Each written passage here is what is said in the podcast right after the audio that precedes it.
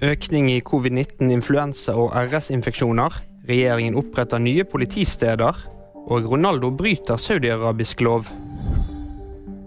Eh, hvis vi ser på de tre epidemiene som vi følger med spesielt nå, så er det mest fart i influensa, eh, dernest RSV, og så har det roet seg en del og er ganske stabilt når det gjelder korona.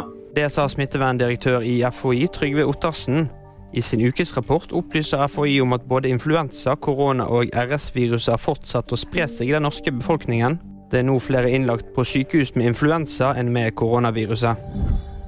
Justisminister Emilie Enger Mehl varsler nye polititjenestesteder. Det skjer fredag, det får VG opplyst. Et av stedene kommer i Oslo øst, trolig i Groruddalen.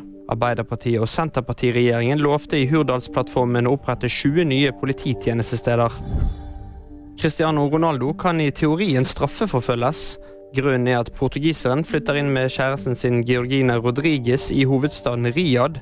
I Saudi-Arabia er det nemlig forbudt å bo sammen dersom man ikke er gift. Ifølge tyske Bild blir det likevel ikke et problem for 37-åringen.